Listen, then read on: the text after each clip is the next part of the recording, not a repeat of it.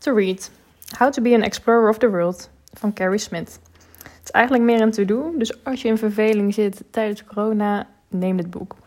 Um, je gaat op ontdekkingstocht om eigenlijk weer met een open blik naar buiten te kijken. Wat gebeurt er om je heen? Uh, er staan gekke experimenten in en oefeningen waardoor je denkkader weer eventjes wordt opgerekt.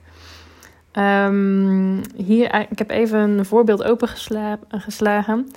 Je ziet een afbeelding van een stoel, er staat waar je nu zit.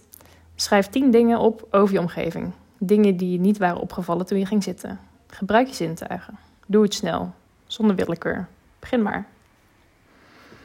Nou, ik zou hem zeker aanschaffen voor iedereen die weer gewoon lekker wil experimenteren, wil rondwalen door zijn eigen stad en uh, nieuwe inspiratie op wil doen.